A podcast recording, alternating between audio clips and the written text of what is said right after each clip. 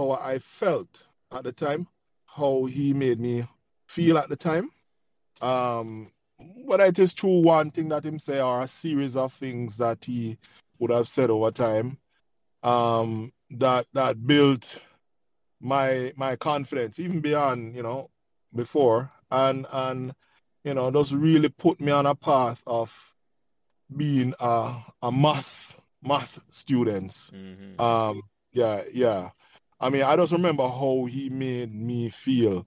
Um, uh, I mean, and Dave, I'm sure Dave would say the same thing. Um, well, he probably have different things, but I mean, we were part of a shared experience with um, Mr. McGregor. Mm-hmm. Um, yeah, yeah, and and uh, yeah, I, think just I can't remember how it made me feel, and I, I can't remember the specific thing that he had said, but those things that he did say um, made me feel, um, you know, just just um, very confident in being a math student. And in my mind, once you're math, you, you're brighter than anything else. You know, that that that was yeah. It, I got that confident. Yeah. Yeah, maths are one of them subjects. Once you get it, it's like you feel superior to every other people. Other than that subject. Yeah, yeah, you did, you did, you did. Yeah, Like, you did. uh, well, and, and even today, now you realize that other man who understand computing and programming, everything to do with maths. At the bottom around the Maths. place. Mhm. Yeah. Yeah, Yeah. You, you can't see that. Yeah. You can't see that. Yeah. So, what life lesson you learn in Yeah. Meadowbrook, you pass on to your friends and family? Can you talk about your son then? What life lesson you learn in Meadowbrook, you pass on to them? Um, I mean, th- those those experiences that I had with with respect to um going after your opportunity. Um, the man now go put it in your lap. You have to go for it. You have to take it. And as I say, you know, I mean, it's a, a theme that that continued. I mean, beyond the, the the the limit of high school, you know, I'd have one or two other encounters which has brought me to where I'm at, you know, um, kind of thing.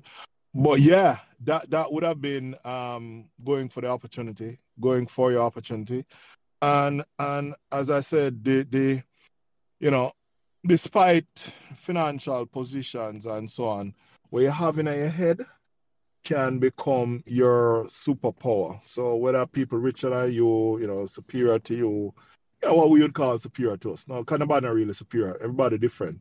But um, you know, not not for you to feel um underrated or you know i can't find the right word but in essence what i'm saying is um you have you have a, a brain and um you know you can apply yourself and and develop and and you know do well um i also share that there is not one linear path you know to get to where you need to go and as I said, there are there are many stories we can tell you. Some of the same guys who I was in peer group with, um, you know, before you know, early high school and, and even in my community, um, they're on other trajectories. Some in a jail, some of them get murdered, Mm-hmm. etc.